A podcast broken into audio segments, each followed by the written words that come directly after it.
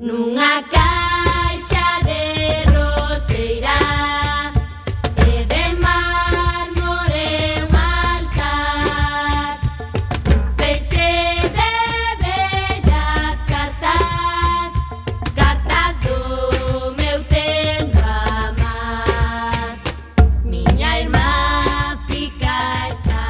Boa tarde, recendeiras e recendeiros. Benvidas e benvidos a este espazo radiofónico semanal dedicado á cultura que facemos en rigoroso directo todos os martes ás 7 da tarde aquí en Coac FM, a 103.4, a Radio Comunitaria da Coruña. Deixaronse.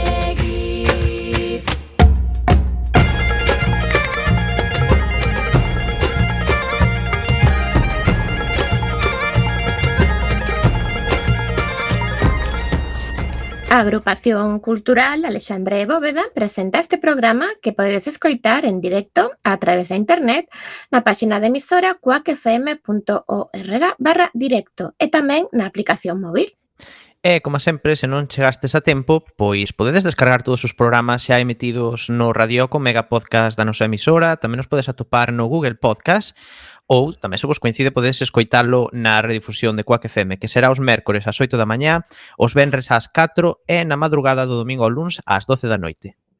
E a partir de agora, seguídenos tamén nas redes sociais, tanto deste programa Recendo como da propia agrupación cultural Alexandre Bóveda, que teñen abertas as súas canles en Instagram, Twitter e Facebook, ou na web www.alexandrebóveda.gal.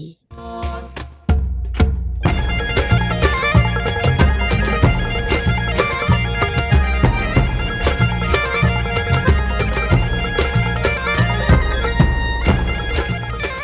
E xa sen máis imos caraló na procura doutra eh, fantástica aventura cultural Oxe temos a Roberto Catoira no control técnico E eh, falando Yoscual Manteira, Gema Millán. E eh, Miguel Anxo Facal na locución.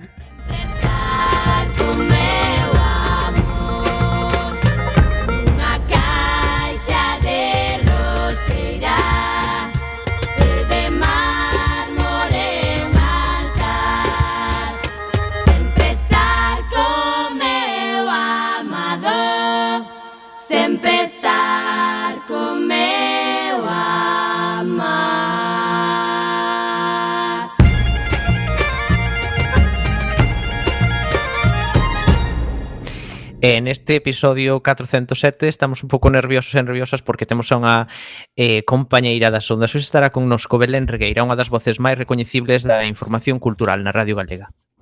E tamén tenemos a sección de audiovisual a cargo da nosa correspondente María Núñez Veiga e falaremos das actividades da agru nosa agrupación e das outras cousas que se fan na Coruña e na Galiza que tamén son cultura.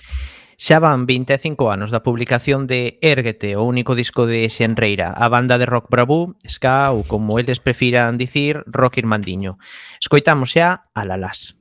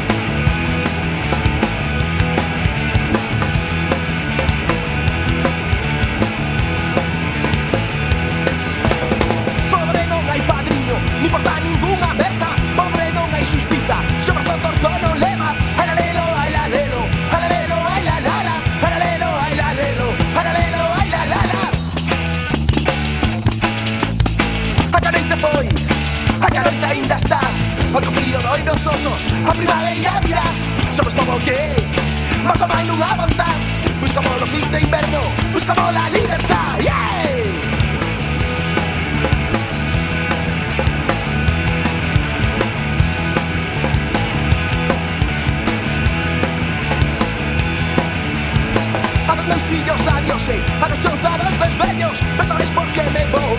¿Me sabes por qué vos tenso?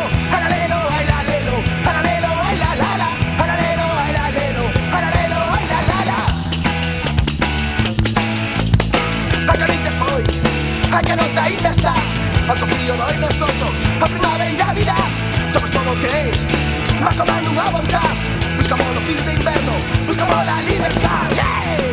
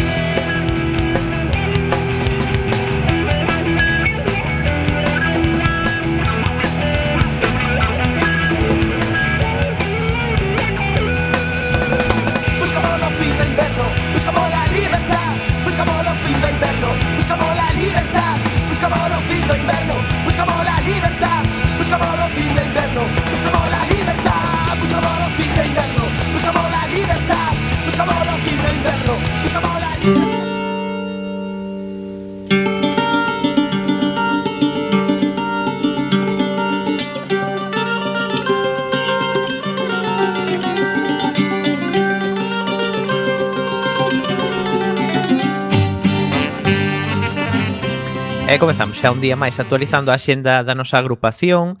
O xoves 9 coñeceremos o proxecto Lar Lilás, un proxecto de cohousing senior participativo para outra vellez, presentado por Nieves Rodríguez Brisaboa. Lar Lilás é unha asociación sen ánimo de lucro cuxo obxectivo é desenvolver un proxecto de creación dunha comunidade cun modelo de atención integral e coidados centrado nas persoas, nas persoas que poida garantir un final da vida en condicións de dignidades. Queredes saber máis sobre este proxecto, podedes achegarvos a nosa eh, sede que se, e ver o día xoves 9 ás 7 e media.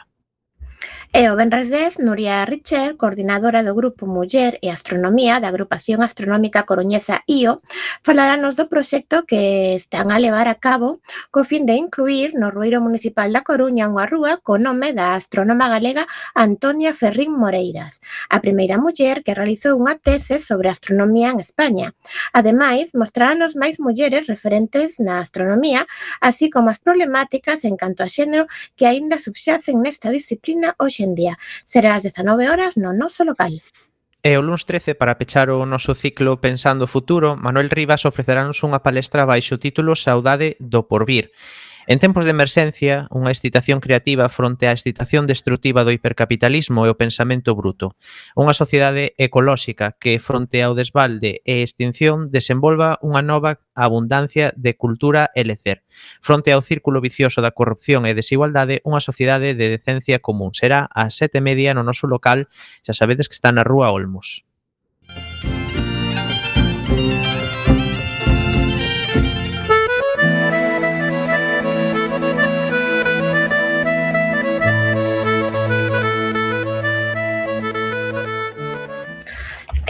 Imos aló coa xenda Cultural para a cidade da Coruña.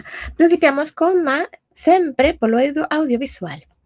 Mil incendios é o documental do mes e ofrece un emotivo retrato dunha familia de Myanmar, Birmania, que extrae petróleo manualmente para poder sobrevivir. O fillo maior rexeita continuar co injusto sistema que abusa dos seus pais. Proxectan na hoxe, martes 7 ás 20 horas no Aura.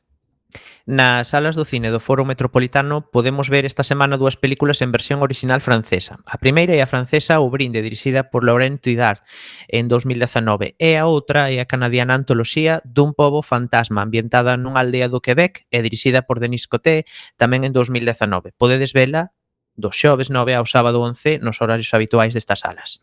E o ciclo de cine negro Colón Noir prosegue coa proxección de A pleno sol, película francesa do ano 1960, na que Alain Delon representa o personaxe de Tom Ripley, creado por Patricia Highsmith. Será o xoves 9 ás 20 horas no Teatro Colón. Se preferides as artes escénicas, eh, recomendamos vos as seguintes cousiñas. A atriz galega María Castro, Dani Muriel e Andrés Gertrudix encabezan o reparto da obra de teatro A Coartada, dirixida por Bernabé Rico e da autoría de Christy Hall. Podedes vela o Benres, do, o Benres 10 ás 8 e media no Teatro Colón compañía A Feroz pon en escea a obra do pracer e da morte.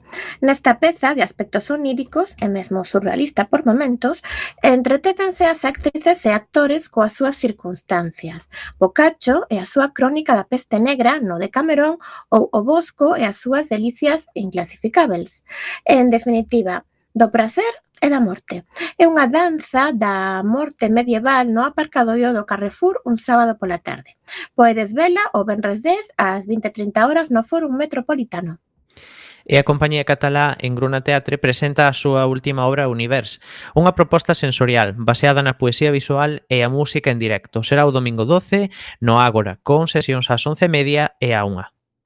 Imos coa música. A Coral Polifónica Follas Novas ofrece o seu concerto anual para persoas asociadas e público en xeral. Nesta ocasión, acompañados pola violinista María Posiosyan, que intervirá no intermedio do concerto acompañada ao piano por Ana Mirsoyan. Actúan o mércores 8 ás 20 horas no Teatro Colón. Esta semana a Orquesta Sinfónica de Galiza estará dirixida polo seu titular Dima Slobodin. Tocarán pezas de Mozart e Stravinsky con Seon Jin Cho ao piano. Será o xoves 9 o venres 10 ás 8 no Pazo da Ópera. E moito nos agrada anunciar novos concertos na mítica sala Mardi Gras. Esta semana volven por terceira vez Robert Jones and the Rex, eh, grupo californiano que lembra bastante aos Salman Brothers. Tocan o Benres 10 ás 22.30 horas na nosa sala amiga.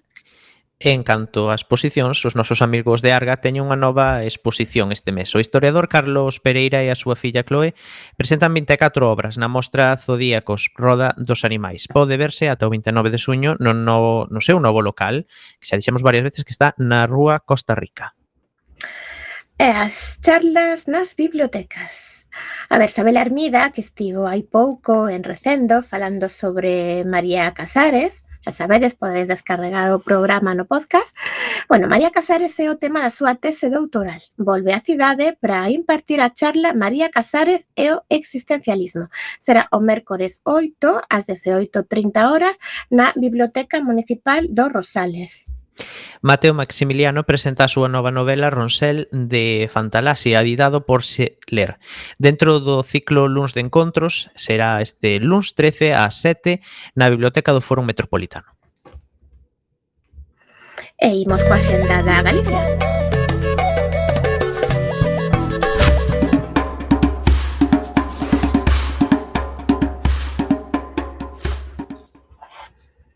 Agora sí, principiamos, como sempre, pola cidade de Ferrol. O concerto de Mercedes Peón Osmose plantexase como un espazo de relación entre o imaginario de creación colectiva con imaginarios atravesados polo capital. É unha cuestión escénica canalizada a través da música e as súas corporalidades. Actúa o sábado 11 e o día 12 no Teatro Jofre, a diferentes horas cada día. E en Lugo, pois, que vos imos contar? Non hai moito máis que decir. Esta semana celebrase o Ar de Lucos en varios lugares da antiga Lucos Augusti. Desde o xoves 9 ata o domingo 12 poderedes participar na recreación histórica do glorioso pasado romano da cidade amurallada. Imos ata Vigo, onde o grupo Néboa formouse en 2012 está integrado por cinco músicos galegos, Aloia, Jacobo, Tomás, Sandra e Lucas. As súas cancións están escritas maioritariamente en galego, aínda que tamén cantan outros idiomas, como portugués. Podes velos actuar o Benres 10 ás 21:30 horas na fábrica de chocolate. Harold Chaysen, de 19 anos, está obsesionado coa morte. Maude Marchardin, de 79 anos, adora a vida. Un encontro casual entre os dous convértese nunha tolería, un romance vertixinoso. Diso trata a película Harold e Maud, dirixida por Hal Ashby, eh, que podedes ver o Benres 10 ás 7 na sala de conferencias da Vicerreitoría en, Vicerreitoría en Pontevedra. E se viaxamos a Santiago, entre o Benres 10 e o día 12 de xullo, o terceiro encontro galego de cultura popular encherá as tardes do Gaiás de baile e música cunhas protagonistas de sesión, as pandeireteiras, e serán, o serán 03 congregará a un milleiro de artistas e intérpretes alrededor dun dos instrumentos fundamentais do noso folclore. A magnífica compañía galega de teatro voadora, dirixida pola prestixiosa Marta Pazos, eh, que está a piques de disolverse, segue coa xira da súa última montaxe, Otelo, como sempre, coas súas innovadoras escenografías. Actúan o xoves 9 ás 9 no Teatro Principal de Ourense. E a sorpresiña desta semana é viaxar ata a vila de Irixoa, Canta Miña Pedra Canta é un espectáculo familiar dirixido a nenos e nenas de 5 a 12 anos que levarán adiante o músico Xoan Curiel e a contadora Charo Pita. Está baseado nos relatos populares galegos e cancións que don Antonio Fragua recolleu nas súas achegas ao cancioneiro de Cotobade. Eh, ollo porque cada familia asistente recibirá, antes de marchar, unha pequena antoloxía de narracións tradicionais de Galiza escolmadas por Quique Jarquindei e Maruxa Barrio, titulada O fillo do rei e outros contos populares. Recordade que actúan este mércores 8 a 7 media na Biblioteca Municipal de Irixoa.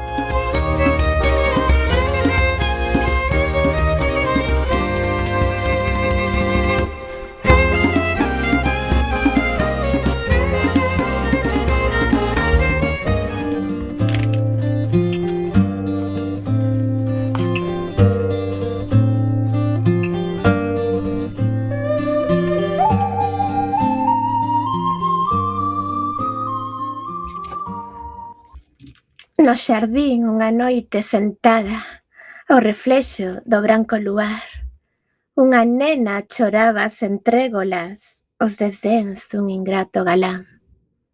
E a coitada entre queixas dicía, xa no mundo non teño a ninguén, vou morrer e non ven os meus ollos, os olliños do meu doce ben. Os seus secos de melancolía camiñaban nas alas do vento e o lamento repetía vou morrer e non ven o meu ben. Lonxe dela, de pé, sobre a popa, dunha leve negreiro vapor, emigrado, camiño de América, vai o probo infeliz amador. E o mirar a xentís andoriñas, cara a terra que deixa cruzar, Quen pudera dar volta pensaba, quen pudera con vos voar. Mais as aves e o buque fuxían, sen oír seus amargos lamentos.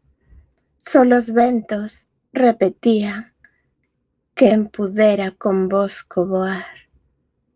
Noites claras de aromas e lúa, desde entón que tristeza en vos hai Pros que viron chorar unha nena, pros que viron un barco marchar.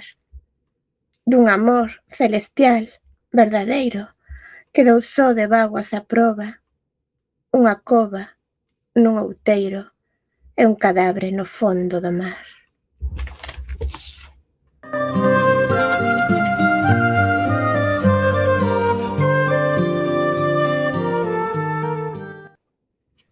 Acabades de escoitar o popular poema titulado Cántiga de don Manuel Curros Enríquez escribiu na primeira semana de xullo do 1869 cando tiña 17 anos e estaba de estudiante en Madrid. Posteriormente, esta cántiga recolleuse no poemario Aires da miña terra publicado no ano 1880.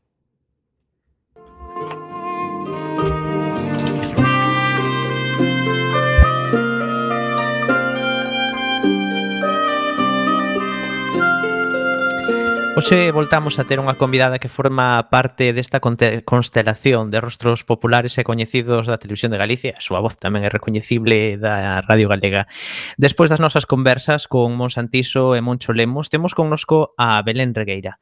Se fuches un adolescente ou simplemente novo durante ou nova durante os 90, coñecedes a Belén Regueira porque ela era presentadora daquela maravilla que era Chambo. Chambo era unha, un programa de entrevistas, reportaxes clases e actuacións musicais. Un espazo pensado para xente nova durante a que foi a época dourada da televisión de Galicia con programas como Xabarín Club e series xa míticas como Pratos Combinados ou Marías Vivas. Belén Regueira é unha xornalista nada na Coruña, ademais do nomeado programa Chambo, Belén Regueira formou parte dos servizos informativos da TVG, presentando o telexornal en diferentes franxas horarias. Sen deixar a televisión, no ano 2005, comenzou a dirixir na Radio Galega o magazín de fin de semana Extradio. e sen abandonar a radio, No 2008 presenta outro espazo na TVG, Esta vez trátase no país dos ananos, no que podíamos eh, saber a opinión dos máis cativos de toda Galicia ao respecto de diferentes temas. Este programa mereceulle ser a gañadora do Premio Mestre Mateo a mellor comunicadora. Dende a cancelación desta radio, Belén Regueira forma parte do equipo do programa Galicia por Diante, así como colaboracións con outros medios como a Nosa Terra. Tamén podedes escoitar a voz da nosa convidada se empregades o Dicionario de Pronuncia da Lingua Galega do Instituto da Lingua Galega. E, sen máis preámbulos, vos conectar con Santiago de Compostela. Damos a benvida a xornalista Belén Regueira. Moi boa tarde, Belén. Hola, moi boa tarde. Grazas polo convite aquí a Recendo. Eh, grazas a ti por estar connosco aquí esta tarde na, na radio da túa cidade, non? Na radio comunitaria da túa cidade. Por suposto. Eu sigo sendo coruñesa, ainda que leve non se pode dicir moi alto, pero levo máis anos en Santiago dos que botei na Coruña. Pero na Coruña botei os importantes, así que... Exacto. E nunca se deixa de ser coruñesa, non? Non, non penso abdicar dese privilexio. Moi ben. Eh, queremos comezar preguntándoche eh, cando te deches conta que quería ser xornalista? Pois supoño que esperaríades unha historia destas de, de vocación desde o berce, non. Deixade que vos decepcione. Eh, non, non sentí ningunha chamada do outro mundo, nin, nin nada así. Eh, eu era unha moza que daquela facía o bupe o FO, que viñan sendo que agora son a eso e o bacharelato, máis ou menos, e que sentía certa predilección polos asuntos das letras, ou se cadra que atopaba máis eh, ou menos, non sei, menos de bezo por, por, por outro tipo de asuntos, e cara, aí me fun orientando, e realmente, despois de que facías eh, o que daquela ainda non chamábamos abau, a selectividade, tiñas unhas opcións se querías facer unha, unha carreira universitaria, non? eh, que tampouco eran moi moi amplas. E eu recordo que dubidei eh, entre traducción e interpretación que xa había en Vigo e xornalismo. Eu non tiña nin idea de, de, de que consistía exactamente ser xornalista, mira como a todas imaxes nas películas, pero tampouco pensaba eu que aquilo se pudese parecer moito á realidade e efectivamente non moito. e, eh, e realmente, claro, ti decides con 17, 18 anos mm, algo sobre o que non tes información suficiente e é imposible tela. Xa non é que non saibas en que consisten exactamente eses estudos, nin que vai ser o traballo que podes desenvolver con eses estudos, senón que non sabes quen és ti, eu polo menos non sabía moi ben aínda quen era eu, así que tomas unha decisión ás cegas que de alguma maneira determina parte da túa vida, aínda que despois evidentemente podes ir mm, caneando, collendo desvíos e eh, cambiando de estrada, pero tómalas sen saber moi ben se si é o mm, adecuado para ti. Mm. E así foi como eu decidín estudar xornalismo e ao final acabei traballando como xornalista. Xa vedes unha historia nada épica, pero creo que hai máis historias así das que se contan. en fin, mm. que é a vida que ven por nós. Casi fui por descarte, romanticismo tampouco, desde logo. Pero eh, co paso dos anos dirías que volverías a escoller o mesmo? Pois sí, home, se cadra, eh, pois non me importaría escoller outra vía para ver, non? Todas temos eh, curiosidade por todas esas vidas que non vivimos, non? Ao final, na vida tes que ir tomando decisións que eh, te levan cara a un lado e polo, polo tanto excluen todos os demais. Eh, eu creo que todas fantaseamos ás veces que pasaría se, non? Se naquel cruzamento de camiños escollese xusto aquel outro ou ás veces hai máis, máis de, de dous Entón, se cada collería outro para ver que pasa. Pero eh, creo que non era completamente desacertado para min, que ao final se a min me gustaba mm, a lingua, se me gustaba, se tiña curiosidade por moitas cousas diferentes, se me gustaba eh, aprender, continuar aprendendo, e se de alguma maneira tamén quería ainda que isto igual menos, non sei, pero sí me gustaba a idea de, de, de intervir, de participar eh, so, na sociedade na que vivo, pois que non é moi mala opción ser xornalista, non? Mm. E tiñas claro que o teu era a televisión e a radio, ou a televisión no. ou a radio? Non, non, como tantas cousas foron azar. Estou aquí rompendo todos os esquemas vocacionais e eh, románticos sobre a profesión. Eh, xamais pensei na televisión, eso desde logo frontalmente non. Eh, a cousa foi que eu estaba eh, buscando traballo, necesitaba traballo no último ano de carreira, apareceu un anuncio eh, na Facultade de Xornalismo que buscaban xente para traballar nun programa juvenil. E eu estaba tan eh, convencida na miña procura laboral que dixen, pois, eh, hai isto, pois eu vou eh, e a ver que pasa. Eh, isto, se non se dese esa circunstancia, na vida iría aquela proba eh, que era para traballar en, en Chambo, naquel programa eh, musical da Televisión de Galicia que dirixía Xaime Fandiño, e na vida pensaría na televisión. Non era, para nada me atraía eh, a priori, e de feito creo que xa me autodescartaba, que me parecía que desde logo non tiña as características que tiña que ter alguén que traballase na televisión. Uh -huh. Nin as físicas nin outras, porque das físicas éramos moi conscientes, non? E as mulleres moito máis aínda. E eu sabía que non tiña o aspecto dunha, dunha presentadora de televisión, que mirade por onde que, que acabei traballando deso mm, algún tempo. E o da radio, eh, dame mágoa tamén confesarvos que eu realmente non descubrín a radio de verdade ata que empecé a traballar nela. Me fixera eh, fixera prácticas durante a carreira, fixen radio comunitaria desde Santiago, non puiden facerlas en Quack FM, que ben me Vale, gustaría. perdemos aí, perdemos aí algún programa maravilloso, seguro. Eh, e, e, e despois, cando houve oportunidade de traballar na radio, eh, descubrín un medio que me cativou a todos os niveis. Dicir, eh, eh, non sei se eu son para a radio, pero a radio si é para mí.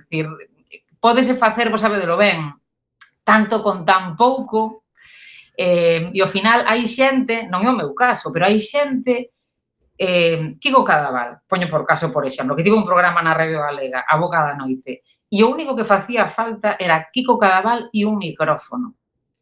E facíase a máxia. Claro, Kiko Cadaval hai un.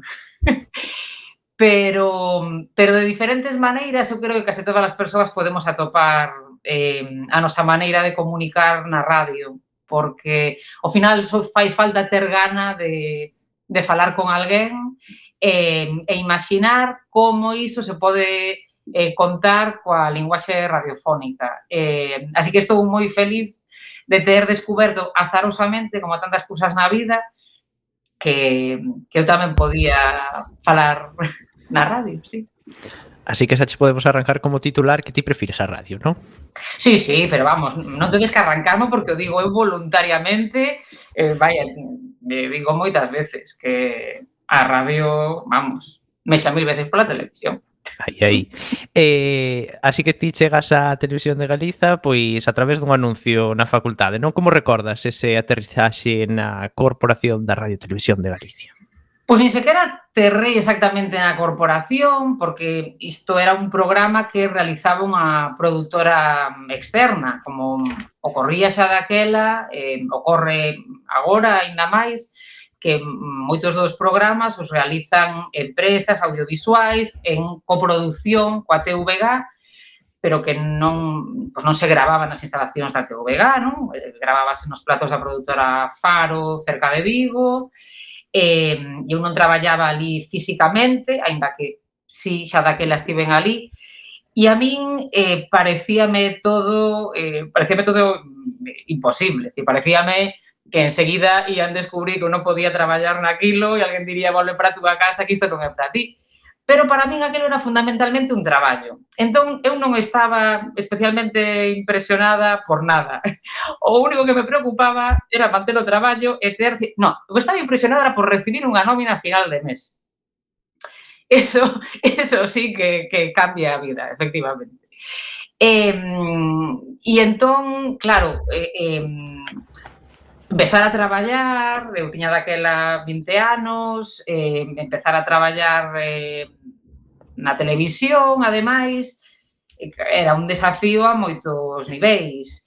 Eh, e eu non estaba nada segura de estar á altura dese desafío, pero que ocorre cando na vida mm, che chega unha, unha oportunidade ou simplemente eh, unha obriga que, que tes que, que tes que apandar pois que faz o que sexa por, por tirar para adiante. Entón eu pois tirei para adiante con con chulería, unha chulería mm, impostada mm, realmente en moitos casos, pero pero simplemente pois como alguén que se enfrontaba ao seu primeiro traballo e que quería seguir recibindo esa nómina a final de mes e esa era a miña preocupación fundamental e despois claro, interesada por todo aquilo que estaba aprendendo, por traballar con xente que sabía moito, que xa fixera moita televisión, e foi unha experiencia impresionante, televisivamente, musical e culturalmente, porque eh, non só que eh, fala, entrevistábamos a, a grupos musicais, fundamentalmente, eh, e escoitábamos tocar. A primeira temporada de programas eh, era playback, que é o máis habitual en televisión, pero na segunda conseguimos poder facer son directo nas actuacións dos grupos, eh, con moito esforzo por parte do equipo de xente que traballaba ali, e iso foi o mellor de todo, creo, non? Ver como, como a televisión, a pesar de que a radio fixa moito mellor, Tamén é un, é un electrodoméstico realmente interesante e é unha maneira de, de comunicar eh, tamén moi interesante porque ademais necesita, o contrario que a radio, na que aquí sodes un equipo de xente que colaborades tamén, pois, pois imaginade isto multiplicado por, por 10, polo menos, non? E entón é máxico realmente que todo o mundo teña, estea facendo o que ten que facer en cada momento para que saia e ocorre. Eh, e participar niso é unha experiencia mm, formativa realmente interesante e foi moi importante para min, claro. Uh -huh. Perfecto, Belén. Pois pues mira, xa que non me aches ti ao gran Kiko Cadaval, queremos bueno, recordar a nosa audiencia que nos tivemoslo aquí en Recendo tamén, nunha entrevista en profundidade, unha magnífica entrevista alo polo mes de novembro de 2020. E nada, que invitamos a nosa audiencia recendeira a que se baixe o, o podcast do Arquivo Sonoro de, de Quack FM na web e que disfrute desa entrevista. Pero agora estamos disfrutando da túa. Aí, bueno, eso de chularía impostada nada, eh? Ti entraches na TVG, arrasaches, fixechelo moi ben, e eh, hai xente que aínda che, che recorda eh, por, por aquel chambo que, bueno, xa nos contaches un pouquiño de como iba e como foi o seu, o seu eh, nacemento e queríamos saber un programa tan bo como Chambo que pasou con el, por que rematou? Pois tampouco vos sabería dicir, pois son decisións que se toman eh, nas cadeas, eh, ou, é, moi difícil que os programas se consoliden, non? Cir, o, por exemplo, claro, o caso de, de Luar, por exemplo, eh, case insólito eh, en todo o panorama estatal e non sei outras televisións europeas ou do mundo. É moi complicado que os proxectos se consoliden, hoxe se cadra aínda máis, E, e non sei pois, cales foron os eh, cálculos ou as contas ou as estimacións que, que se fixeron daquela na compañía, que daquela na compañía de Radio Televisión de Galicia. Eh, é verdade que era unha mm, aposta eh, diferente, porque era unha aposta dirixida a, a público juvenil, creo que por iso tamén é especialmente importante, non? Que tamén se mirase cara ese público, que se cadra era menos eh, habitual eh, noutras emisións da televisión de Galicia. Pero en todo caso, pois ocorre con moitos proxectos, non? Que empezan, acaban eh, e, e hai que poñerse outra cousa. Bueno, Belén, pois para seguir falando de proxectos audiovisuais, nós aquí en Recendo temos unha maravillosa sección de audiovisual a cargo da nosa correspondente María Núñez Veiga, a que llevamos dar paso agora. Eh, facemos unha pausa pequena a túa conversa, conectamos con María e antes de conectar con María imos gozar coa súa sintonía de sección. Música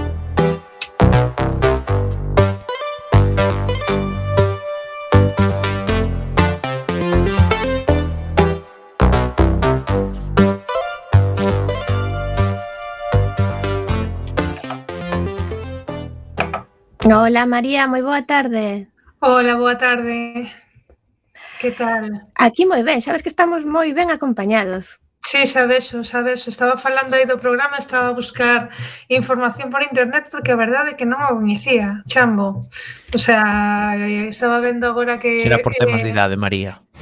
Mm. Non, porque son bastante bella, eh? non vai a ser, non vai a pensar. Eh? O que pasa é que estaba vindo que comezou no, no, no 99, eh, estaba pensando, eu onde estaba no 99, estaba aí facendo carreira xa en Santiago, que facía eu eh, que non vía este programa, sabes?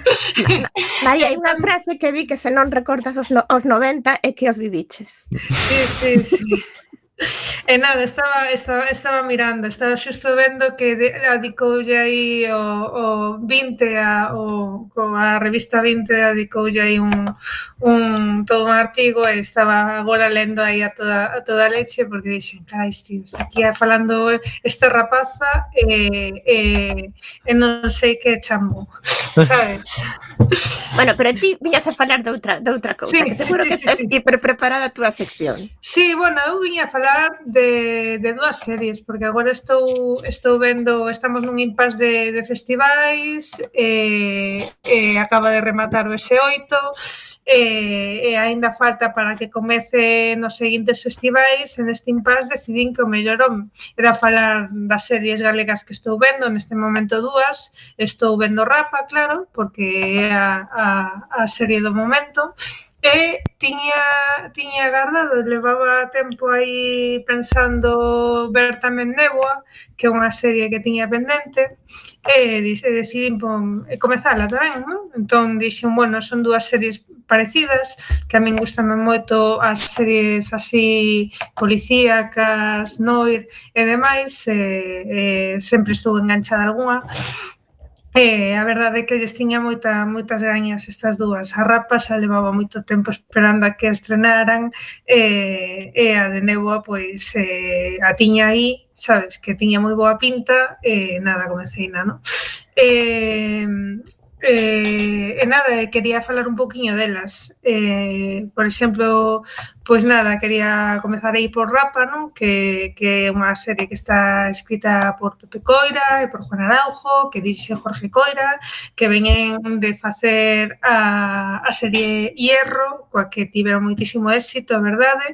Eh, e nada, é unha, unha nova versión, o sea, siguen usando o mesmo a mesma estrutura de Hierro, pero agora en vez de estar ali nunha isla, pois o centro neurálxico é a Serra da Capelada, eh, aquí en Cedeira, eh, bueno, o povo de Cedeira, Ferrol, eh, bueno, un pouco a, a historia e tamén a historia dun asasinato, a, están aí a, unha serie de investigación, e, eh, bueno, eh, esta investigación, eh, bueno, a alcaldesa de Cedeira pois é asasinada, é unha muller moi poderosa, tipo caciquil da zona, e entón pois eh, pois mm, aí están os protagonistas que son Maite con asasento da zona, e encarnada por Mónica López e Tomás un profesor de literatura do instituto que é a única testemunha do asasinato que está encarnada polo gran Javier Cámara, non?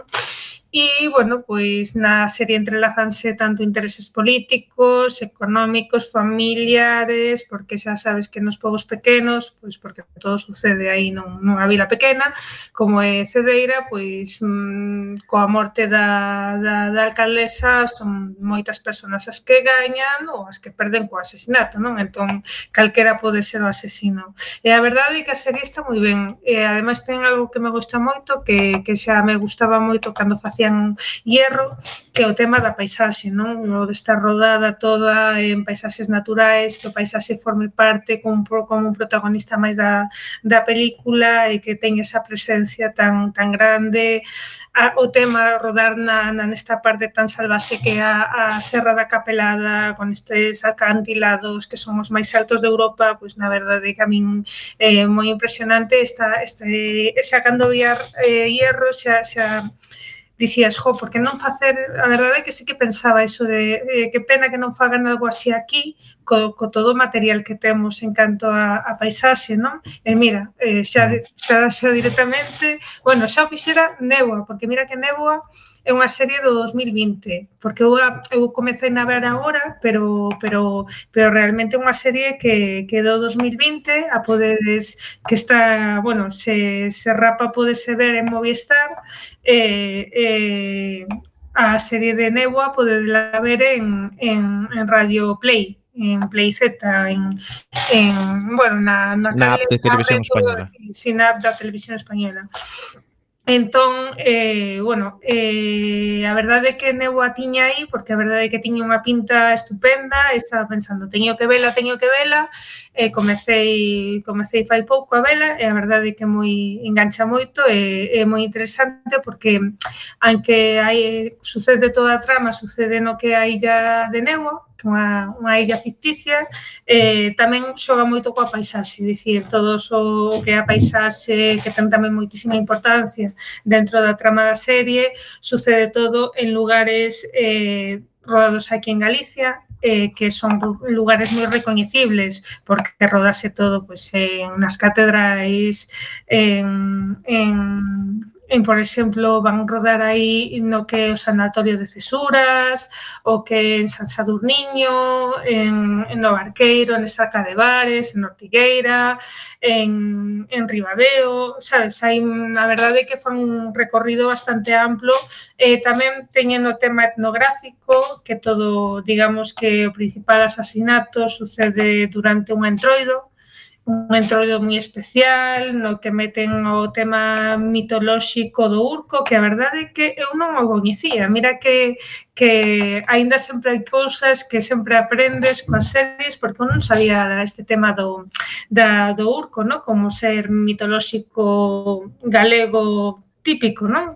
Eh, e a verdade é que para min foi un descubrimento tamén porque non coñecía a lenda, estive na, estive na mirando estive na mirando esta, esta tarde, así en plan eh, para o programa eh, e a verdade é que, é que, é que pareceme interesante iso de que un can que sae do mar e que presaxa a morte e que, e que teña ese, ese punto de que en Pontevedra e dende 1876 está incluído dentro do dentroido sabes? Que é algo que non que non que eu non sabía. Bueno, bueno mara... recomendar esas dúas series maravillosas que son Néboa e, e Rapa eh, que a verdade é que engancha moitísimo eh, Néboa é tamén asesina en serie que son destas aínda máis aí máis adictivas e, e nada, creo que, que para, para este verán eh, eh, eh, vos la recomendo para as vacacións. Perfecto, pues quedamos aí con Noir galego eh, como a recomendación para este verán audiovisual. Moitísimas grazas, María, unha aperta moi forte. Supoño que despedimos a tempada aquí contigo, quero decir que esta será a túa última intervención Vaya, pois despedimos a tempada e Gema tamén que se nos eh, perdiu a conexión. Pero María, efectivamente que esta é a túa última intervención esta semana, esta sí. semana, esta tempada, agradecemosche moitísimo que as túas eh, recomendacións e escoitámonos para a próxima, supoño. Vale, sí, claro, estarei, estarei pendente. Problema, ¿no? Sí, sí, claro. Aquí a xa, firmar, xa asinaremos o contrato despois. Sí, eh, estarei pendente de Chambo, a ver se atopo algo en YouTube Ahí. para ver algo. algo, algo. Estará, non sabemos se Chambo está por aí nos arquivos da CRT Vegans, por ver online, a saber. Hai algún algún capítulo, algún capítulo do programa por aí accesible, se que sí. hai. Ah, pois pues, genial, genial, porque, sabes, sempre está ben, aparte a min gustame moito ver programas destes antigos de, da tele, que sempre esa tele, sempre esa tele dourada que recordamos, aqueles programas magníficos que agora xa non se fan. Cando éramos novas. Sí. Non, pero é verdade, eu teño a sensación de que moitas veces eu vexo a tele agora e, e non vexo daba a sensación de que, de que a tele de antes era mellor que a de agora, non sei se é verdade ou non, tampouco vexo moita tele agora, agora vexo María, casi parece todo que nos leches, parece que nos leches, parece que nos leches o guión, porque xusto diso, xusto diso íamos preguntar agora a, a Belén, o sea, que parece que nos leches o guión, porque Belén antes decíanos que este programa, que os programas os fan equipos, e este, temos que recoñecer que este programa tamén o fai un equipo, o noso compañeiro eh, Javier Pereira, que tamén fixo esta, confeccionou esta entrevista, puxenos aquí unha afirmación que eu persoalmente tamén estou de acordo, que di que a televisión dos 90 semella, a TVG dos 90 semella unha televisión máis acorde ao seu tempo que a de agora mesmo. Ti, Belén, que pensas? Non só a TVG, coincido bastante con isto que di María, incluso se te vas a aqueles mm, primer, os, mm, a segunda eh, metade da década dos 80, cando nace a TVG, ves agora cousas eh, modernísimas, descaradísimas, eh, fresquísimas, eh, que, que, que, se votan en falta agora en xeral na televisión, non? E é curioso tamén que coa mm, ampliación de operadores, cando chegaron as eh, televisións privadas, e se pensaba eso, que, que o feito de haber máis, máis cadeas, eh, iba ia traer, ia traer máis pluralidade, máis ideas, máis novos formatos, e non foi así. Eh, non foi así. Eso se, seguro que, que ten unha explicación multifactorial eh, complicada, pero eu estou esperando que alguén explique tamén que pasou mm, con España a partir da chegada de Telecinco, porque creo que hai aí eh, un ensaio mediático, sociolóxico, político interesante, non? E como ás veces eh, pois eso, a este eh, suposto libre mercado non produce esa concorrencia de, de, de ideas, de formatos eh, e, e unha maior pluralidade ao final, ¿no? O que temos agora é un, algo super un, un mercado eh, super concentrado e eh, e ideas que se repiten e máis ben as públicas se viron arrastradas polas dinámicas das privadas. Pero vaya, eh, Eh, eh, eu son aquí unha modesta radiofonista que vendo todo isto, fun rapidamente facer radio e tampouco, decir, opino da, da televisión como unha cuñada máis. Eh? Preferiches escapar do asunto. Claro. Eh, ben, pois, eh, bueno, María, aí temos a resposta, así que nada, eh, aproveitamos para despedirte, bueno, se queres seguir con nos, sigue, pero eso que te, que te escoitamos na próxima temporada. Vale, veña. Con pues máis recomendacións. Unha veña, pois pues nada, aperta, ata logo. Ata logo. Eh, eh, seguimos falando con Belén Regueira, seguimos falando a TVG. Ti que pensas que lle falta a TVG eh, nos últimos anos? Uf, eh, non, non sei que importa que pense eu que lle falta a TVG.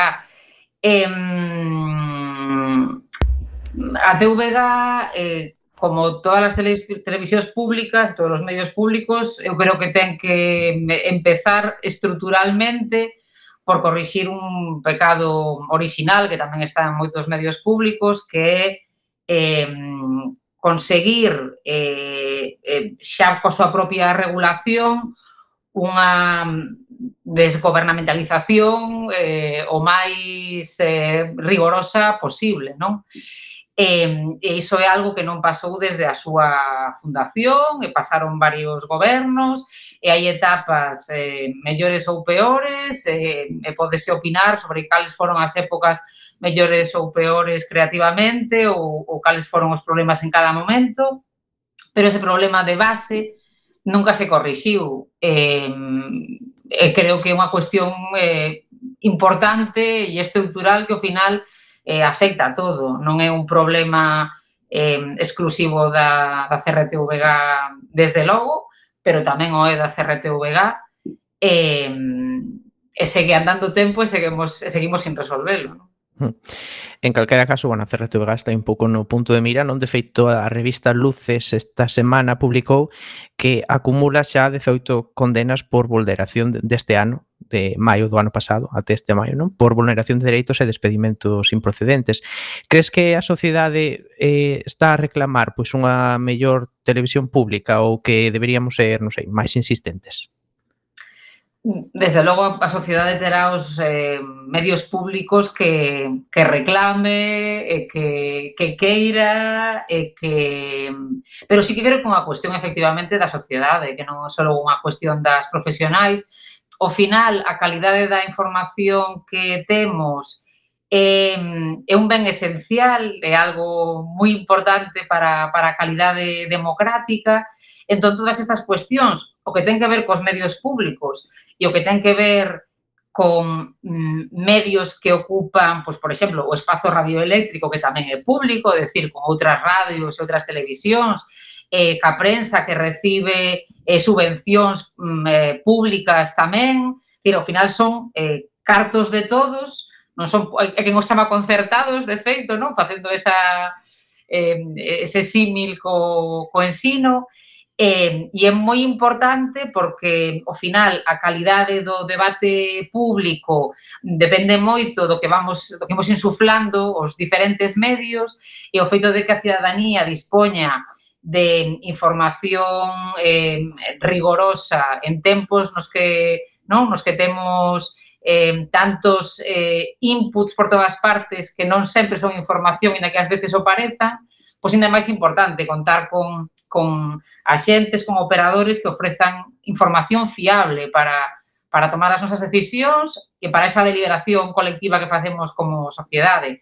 Entón, o papel dos medios públicos aí é moi importante, pero efectivamente os medios que non son públicos tamén teñen unha, unha responsabilidade e en moitos casos tamén están usando recursos públicos.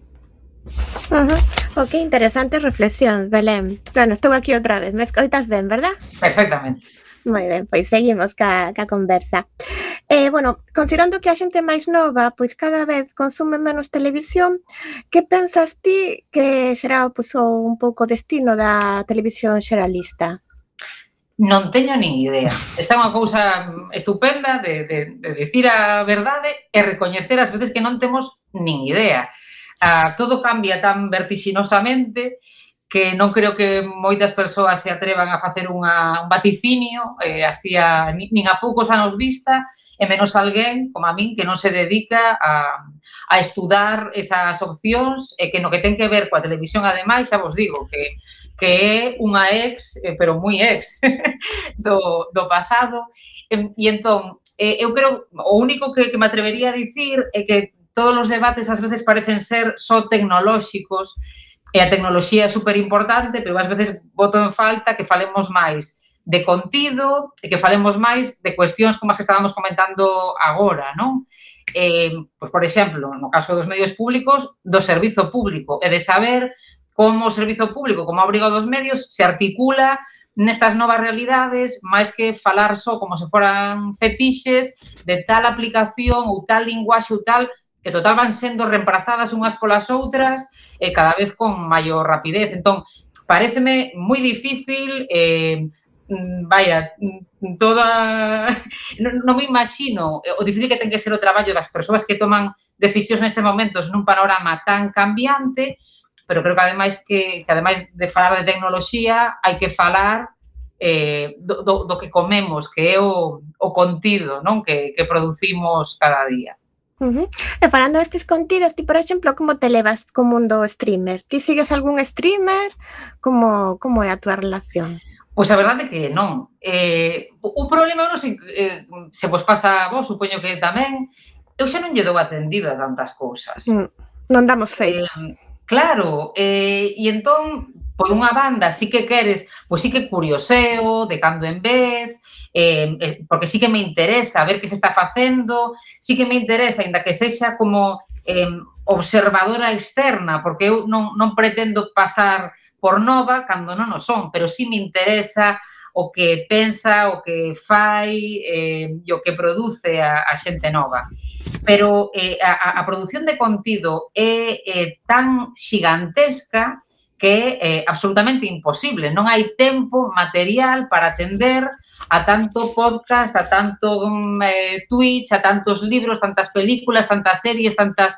Mm, e como a nosa vida parece que ten que ser productiva ata nas horas de, de lecer, eu ás veces escollo eh, como Barleby, non facelo. Dicíanos Belén antes fora de micros que non sabía se iba a dar eh, a súa historia para contarnos, para encher un programa. Pois fíxate que nos quedaron preguntas sen facer e chegamos ao fin do programa. Vaya. Pero non queremos rematar sen preguntar se tes algún proxecto novo entre mans que nos podes adiantar. O final o noso traballo cada día é un proxecto. Eu eso, traballo no, no cultural da, da Radio Galega, e entón cada día pois hai unha persoa, un grupo de persoas eh, que vas intentar facer chegar o que fan a, a, ao resto da xente eh, e o meu proxecto é ese, non? Teño grandes proxectos ou grandes plans, sempre sí cousas que imos eh, pensando a futuro, pero non tanto como, como grandes plans, senón eu ao final do, do traballo case todos os días me vou eh, eh, algo non, ia dicir decepcionada, non, non é así, pero nunca quedo satisfeita de todo. Sempre penso, como podía ter feito? Eh, e que tiña que ter preguntado ali? E eh, que montaxe, ou que música, ou que... E ao final, tanto cando sae moi ben como cando non sae tan ben, en canto se apaga a luz encarnada, ou que sexa, que faga esa función, acabouse e empeza outra historia. Eh, pois pues es, o proxecto é mañá continuar. No lo aí está. Muy importante. Perfecto, eh, Pois nada, quedannos aí esas preguntas, a ver se outro día nos podemos atopar xa nos estudios físicos de Quack FM. Belén, foi un placer que estivese connosco. Foi un placer para min que me convidásedes e, eh, e pasar este pedazo con vosco, así que sí, vémonos nos estudios José Couso cando queiras. Moitísimas grazas, Belén. Eh, sen tempo para máis odiseas, imos chegando a fin do camiño deste recendo. Despedimos o programa de hoxe agradecendo as nosas convidadas que, como sempre, son de honra. Hoxe tivemos o placer de falar con Belén Regueira na entrevista e con María Núñez Veiga na súa sección de audiovisual. Eh, e agradecendo a semente pedra angular de todo o noso comando equipo de produción formado por Javier Pereira, Gema Millán e Roberto Catoira. E aquí estivemos nos controis Roberto Catoira e co alento no micrófono Miguel Anxo Facal e Gema Millán.